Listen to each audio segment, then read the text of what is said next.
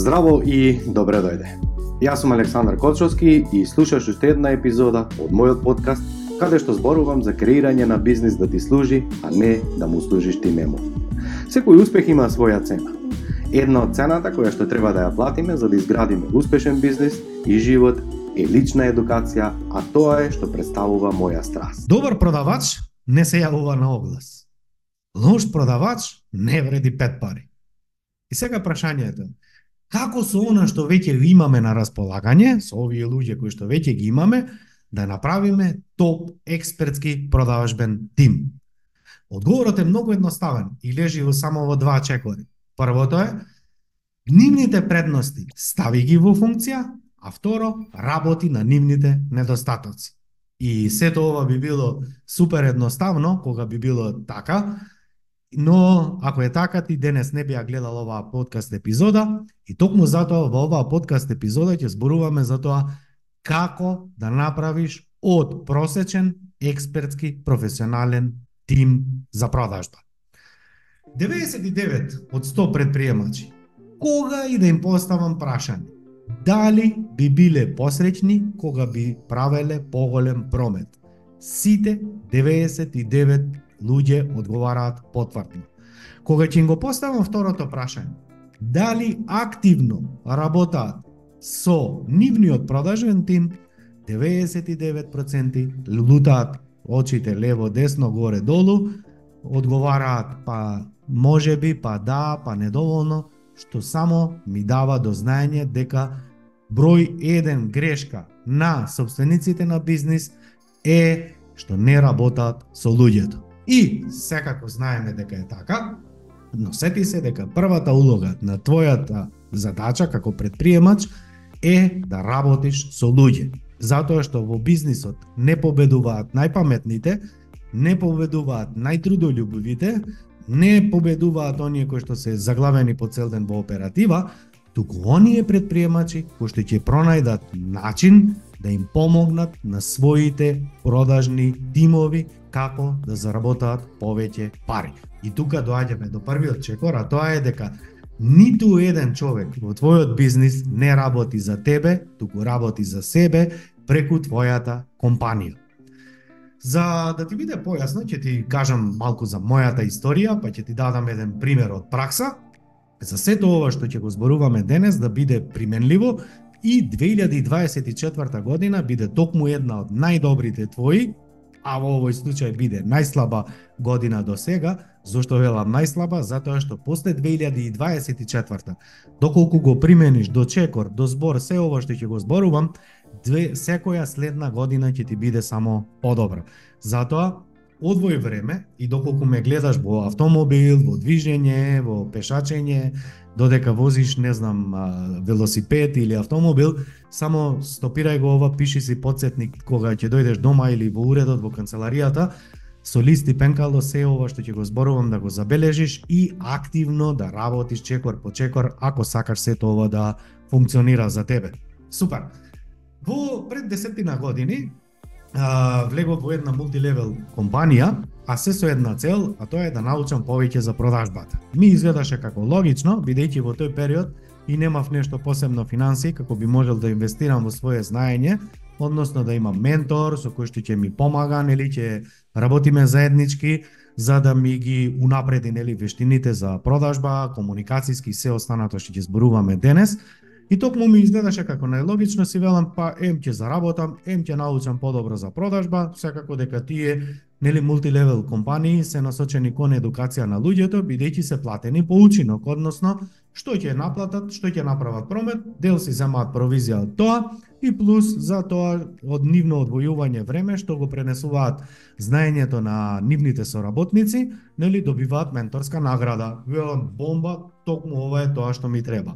Но што беше абсурдот, а тоа е дека најголем дел од луѓето или ти тие менторите погоре, буквално не им е ама баш ич гајле за тебе, како ти се чувствуваш, што ти знаеш или не знаеш, што тебе ти треба или не ти треба, туку едноставно си го гледаат само својот джеб, а од друга страна тебе ти продаваат ефтини кикирики мотивација, нели, работи, закажувај состаноци, труди се повеќе, па ти треба да добиеш што повеќе одбивања, нели како ќе одиш, изградиш искуство, побрзо ќе напредуваш и се е тоа супер, но ако не знаевме дека има луѓе кои што се интровертни и екстровертни, ќе речевме дека со мене нешто не е во ред или со некои други луѓе нешто не е во ред, но од денешен аспект само знам дека едноставно не секого за се е, односно не секој бизнис е за секого. Дали може секој? Апсолутно да, но дали секој бизнис е за секој е, тука е таа тенка разлика.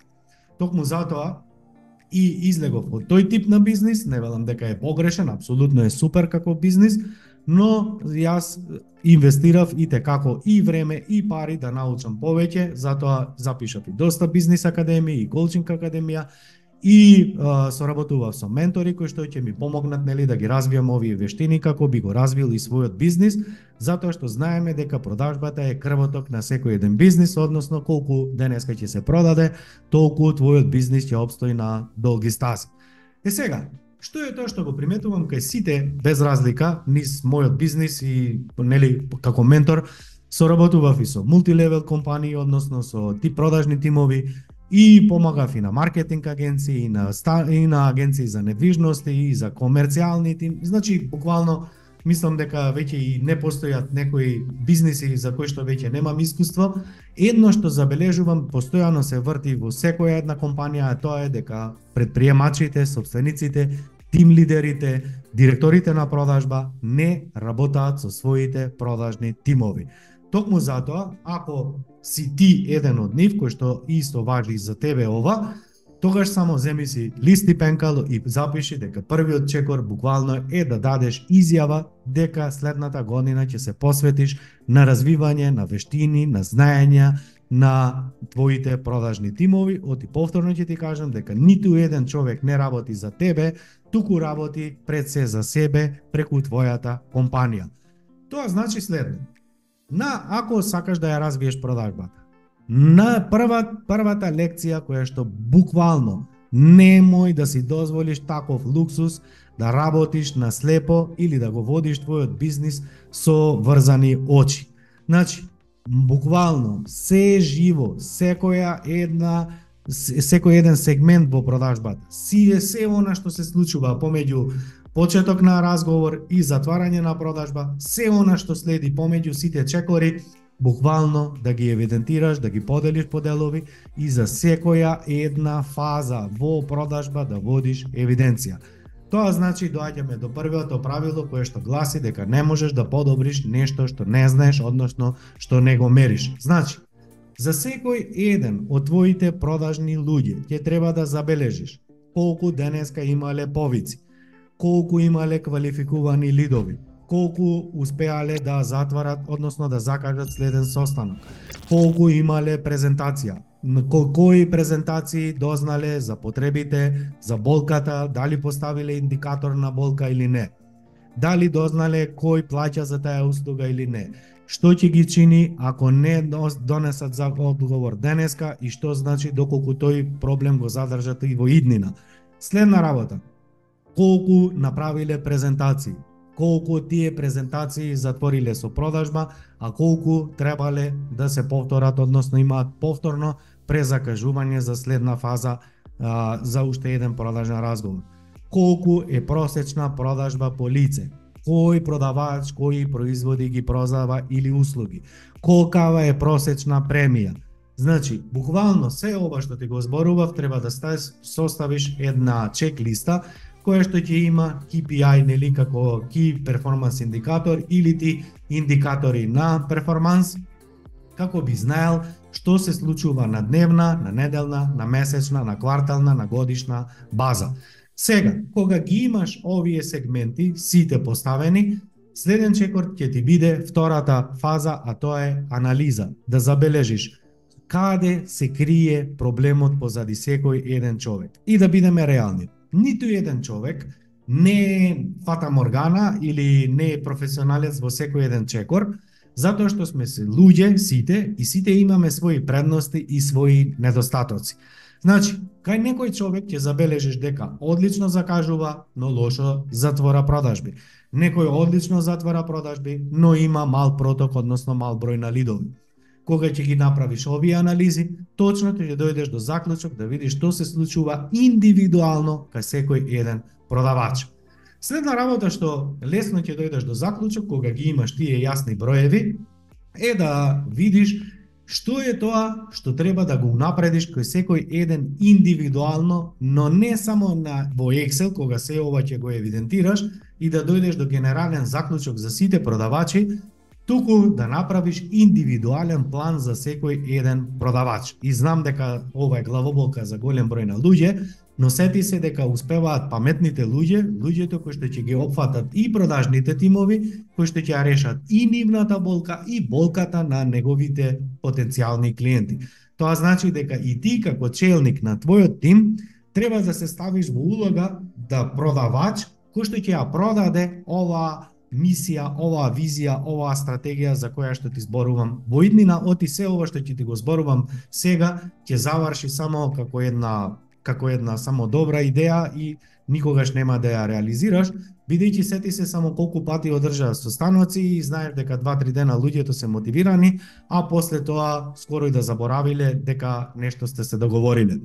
И често пати луѓето доаѓаат ме прашуваат Александар како да ги мотивирам луѓето, секогаш буквално буквално секогаш им велам само една работа, а тоа е дека престани да ги мотивираш другите луѓе, престани да се замнесуваш и да размислуваш за другите луѓе, туку мотивирај се себе и пронајди мотивирани луѓе. Оти човек кој што не е мотивиран, човек кој што не размислува за себе и за својата иднина, човек кој што нема идеал за кој што живее, тој едноставно не е вреден за себе, а како ако не е вреден за себе, тебе ќе ти го унапреди твојот бизнис, значи едноставно немаш таков луксус.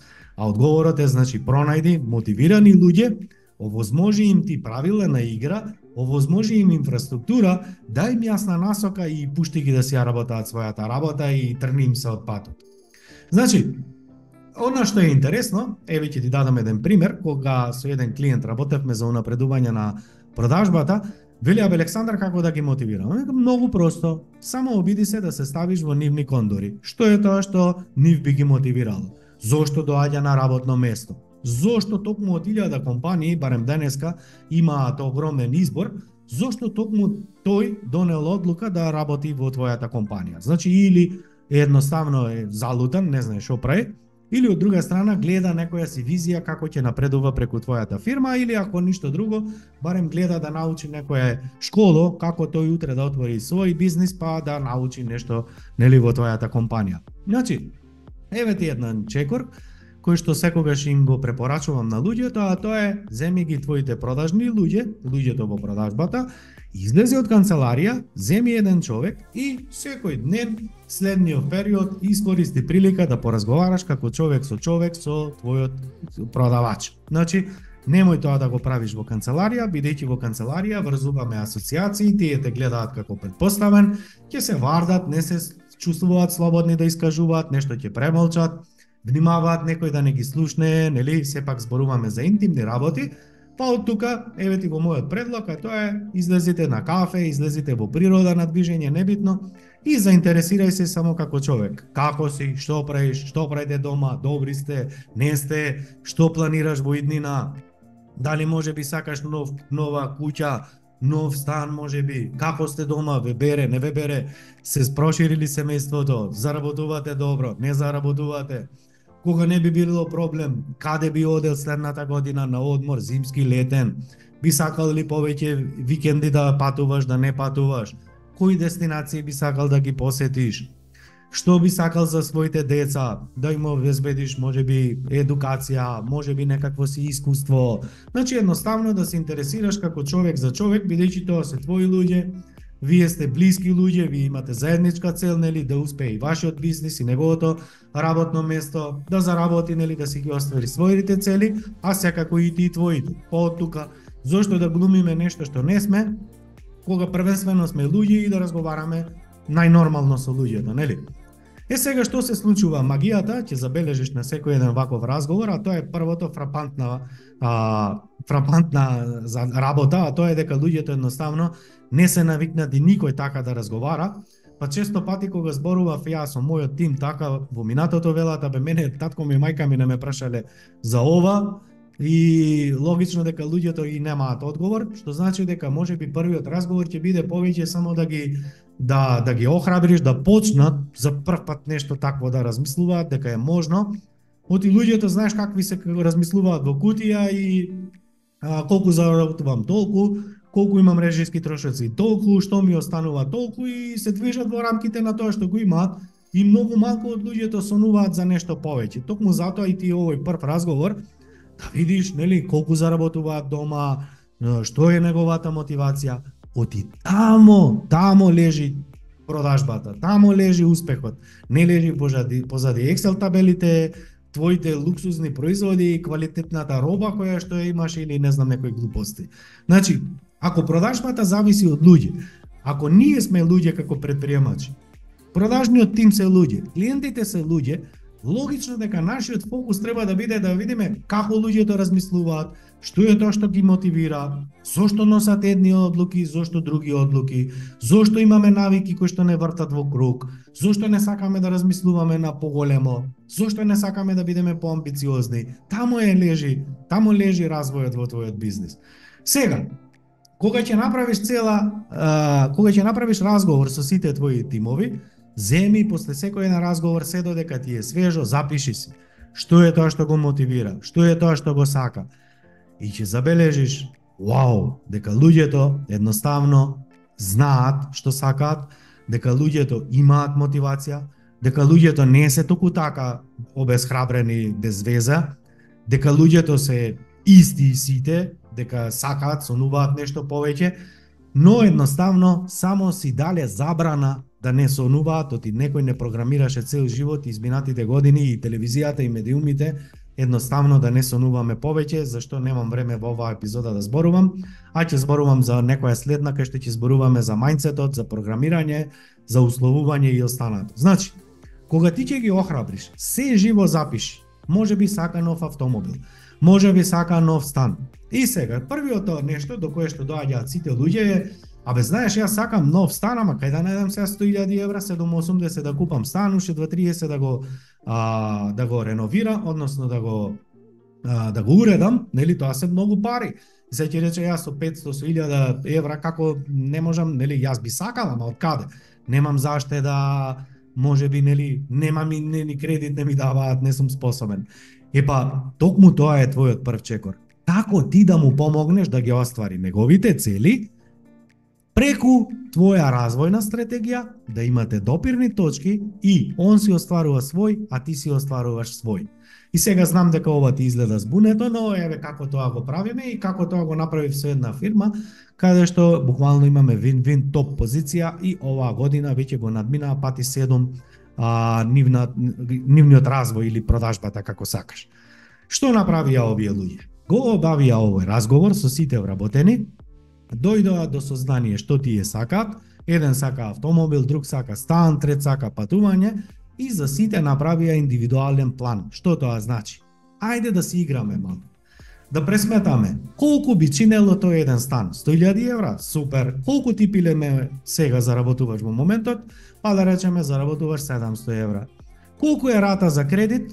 Тој нема појма, па затоа ти треба да направиш чекор плюс, да ги посетиш сите банки и да провериш каде се најдобрите услови. Сега, кога ќе дојдеш до кредитната способност, кога ќе дојдеш до каматите, до условите кои што банките ги пружаат, ти со тој краен износ, со неговата желба, квадратура, детска спална, ходници, чуда, што сака, кој е тој негов идеален дом, плюс колку би чинело инвестирање во тоа да се уреди тој нели мебел фактички во тој стан, Па кога ќе пресметаш на колку е тоа на 10, на 20 години да се земе кредит, и кога ќе пресметаш колку е таа рата, ќе дојдеш до фантастичната мотивација за твојот продавач. А фрапатцата информација е дека може би само 200-300 евра чини рата месечна за сето тоа да си го дозволи овој твој вработен, или може би ако е за автомобил, може би таа сума и да е помала или за некоја друга мотивацијска цел која што ќе има лицето. И сега, ќе речеш супер, пресметавме колку е станот, пресметавме колку се каматите, пресметавме колку е рата и овој човек не може да си дозволи. Е, супер. И па која е твојата улога како предприемач? Дали да му помогнеш на овој човек или едноставно затоа што ти само што го плаќаш и му даваш услови и он треба да трча да, да се утепа од продажба за ти да заработуваш, а тој да не види билден. Епа не. Прва, втората твоја задача е следна работа. Да седнете заедно и да направите план. Како можеш ти да му помогнеш да продава повеќе каде што тој би ја заработал таа месечна рата. И еве од пракса како тоа изгледа, како тоа го правиме со луѓето од продажбата, седнуваме еден по еден, немој ова да го правиш групно, оти луѓето се едни во група, а сосема други кога се сами, И токму затоа направи еден разговор, нели, со тоа лице и многу едноставно. Првото прашање гласи до него, а не до тебе, оти он е на терен, тој е со продавачите, тој е со луѓето, тој е со неговите потенцијални продавачи и тој најдобро знае како да ја разбие продажбата, само едноставно не сака да мисли. Па затоа првиот чекор ќе ти биде да седнеш и ти да му поставиш прашање како пиле мое можеш ти сега да заработиш повеќе пари како би ги обезбедил овие средства. Значи во рамките на твојата компанија како може да продава повеќе за да му дадеш зголемување? Или да не филозофирам многу, многу едноставно прашање би гласело: ОК, сега знаеме колку пари ни треба, дали имаш предлог и дали гледаш некаков начин како можеме заедно јас да ти помогнам сега да ги заработиш овие пари и уште следниот месец да земеме кредит и мојата фирма преку твојата работа да може да ти го овозможи ова што сакаш, а тоа е да имаш топ стан за тебе и за семејството сега, не по 20, по 30 години. И тогаш ќе се изненадиш колку луѓето се умни, колку се паметни и колку навистина имаат идеи, но ги чуваат за себе, Зошто треба три подкаста да снимам за ова и затоа нема да зборуваме премногу, но само примени го ова и ќе забележиш. Следна работа што треба да направиш е да направиш проценка за неговите способности. Зошто проценка? Затоа што секој еден во оваа фаза ќе биде мотивиран, како ти, така и тој, но немате јасна метрика, јасна бројка, конкретни работи како ти би му помогнал во иднина, оти сети се дека е човек и дека има навики, а дека сме збирна повеќе од 97% на навики, секој дневно правиме се едно исто, и дека логично овој човек за една недела две ќе заборави за се она што сте се договориле и ќе има изговори после па тоа е, па пробав, па видов, па не видов, а тоа е најмалку нешто што сакаш да го знаеш. Значи, одиме кон стратегија, а тоа е како сето ова што го зборуваме да обстои долгорочно. Па еве како. Сега, ако се сеќаваш пред малку кога го започнував овој подкаст и реков села продажба од почеток од ало до затварање на продажбата се состои од повеќе фази. Се сеќаваш дека ти набрав некои клучни перформанс индикатори, а тоа значи дека цела продажба треба нели да ја поделиш по сегменти како би знаел на што треба тој да унапреди. Значи една анализа за што, во што во кој сегмент е добар во кој е просечен, а во кој е катастрофа. И сега што е поентата? Оно што функционира не чепкај. Значи тоа е во ред, зошто да расипуваш нешто што е добро. Но, ако забележиш дека лошо му оди телефонско јавување, може би закажување, може би затварање, може би има предрасуди, може не знае да решава изговори, може да нема Значи, не знам што и да е, Ти од продажните разговори и од анализата ќе пронајдеш кои се неговите слабости и она што треба да го содржи заедничкиот план за развој ќе треба да биде следно. Ајде пиле мое, ја ти сега да направиме еден здрав разговор, машки разговор, а тоа би значело ова се твоите податоци. Дали се согласуваш дека ова ти оди супер, ова ти оди супер, ова ти оди супер, но ова помалу, ова уште помалку, ова уште помалку. Така е? Поентата е вин-вин да се согласите дали е тоа реалното што ти си го согледал или не врз база на бројки. Супер. Кога ова се си утврдил, следно ќе биде работа која што е многу важна, а тоа е да добиеш согласност од неговата страна и ветување дека заеднички ќе работите на неговите недостатоци за да може да биде да има испорачува поголема вредност, а тоа во пракса би значило да повеќе затворени продажби, поголем приход, а тоа значи и ти заработуваш повеќе и тој си го отплаќа безбедно станот. Што значи дека ќе треба да се пронајдат една до две, максимум две вештини или способности на кои што ќе посветите цела следна година фокус како би ги онапредил. Немој, иако забележиш дека има повеќе слабости, немој да работиш во ширина на 100 слабости, затоа што подобро е една вештина секој квартал да му зголемуваш, па на крајот на годината да дојдете до 4 клучни топ вештини унапредени за 100%, отколку да започнуваш 100 во ширина и ни една довршена и на крајот двајцата да се изгубите. Следна работа што ќе треба од откако ќе се договорите да му обезбедиш материјали за учење, односно како тој сето тоа може да го знае. Па една, една наједноставна финта ти е од другите твои продажни тимови да видиш ако некој веќе има вештина која што ја владее, а на овој твој продавач му недостасува, да имаат размена на искуства, да одржиш работилници, тренинзи на размена на искуства. Овој твој продавач може би е сосема добар во нешто што овој другиот не е и на тој начин да ги унапредиш двајцата но поентата е повторно, долгорочно да мериш се живо што се случува во позадина, како би знаел дали одите кон целта или не одите. Ќе се зачудиш колку луѓето во овој сегмент се мотивирани, колку ќе започнат самите да читаат, да пребаруваат, да споделуваат искуства, зошто? Затоа што пријателе мој се мотивирани за себе, а не се мотивирани за тебе. Она што ти ќе треба само да им овозможиш е да ги прашаш како јас како собственик, како тим лидер, како директор на продажба, зависи која функција ја имаш, можам да ти помогнам сето ова да го оствариш подобро. Оти гледај каде луѓето грешат. Луѓето кои што се собственици мислат дека тоа што се собственици ги плаќаат луѓето дека овие треба самите да кршат глава и затоа ги плаќаат. Но абсурдот е дека не е така и ти и јас ова го знаеме потајно, но едноставно не сакаме да веруваме.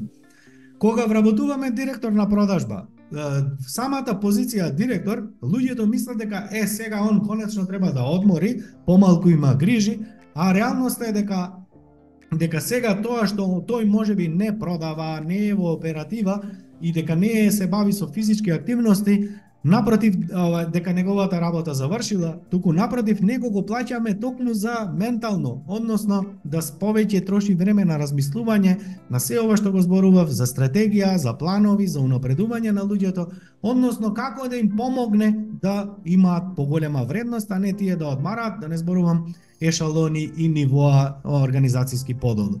Што значи поентата е следна. Како да им служиш повеќе на луѓето? Е сега, Кога сето ова ќе го завршиш, што тебе ти останува? Најважната работа, а тоа е ти да бидеш дисциплиниран и да обстоиш до крај.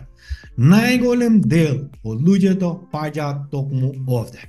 Ке го имплементираат ова што зборуваме, ги надеждиле луѓето дека ќе работаат повеќе, дека ќе имаат нели мотивација, дека нешто ќе променат и на крајот овие луѓе забораваат зошто? Затоа што се целдан во оператива, близко станало до први па им требаат финанси, се нешто хитно битно излегло и на крајот го забораваат. Значи, запиши во твојот календар еднаш неделно, кој ден, во колку часот, токму секој буквално а, период ќе размислуваш за ова што зборувам кој бројки ќе следиш, кога ќе ги анализираш, како ќе им помогнеш и буквално секој дневно одвој утрински 10 минути со твојот продажен тим да разговараш кој ми е планот на денот, кои им се целите, кои објекти ќе ги посетат, со кои клиенти ќе разговараат, со кого до каде се, со цел јасно и гласно да им укажеш дека доколку ти не мериш на дневна база,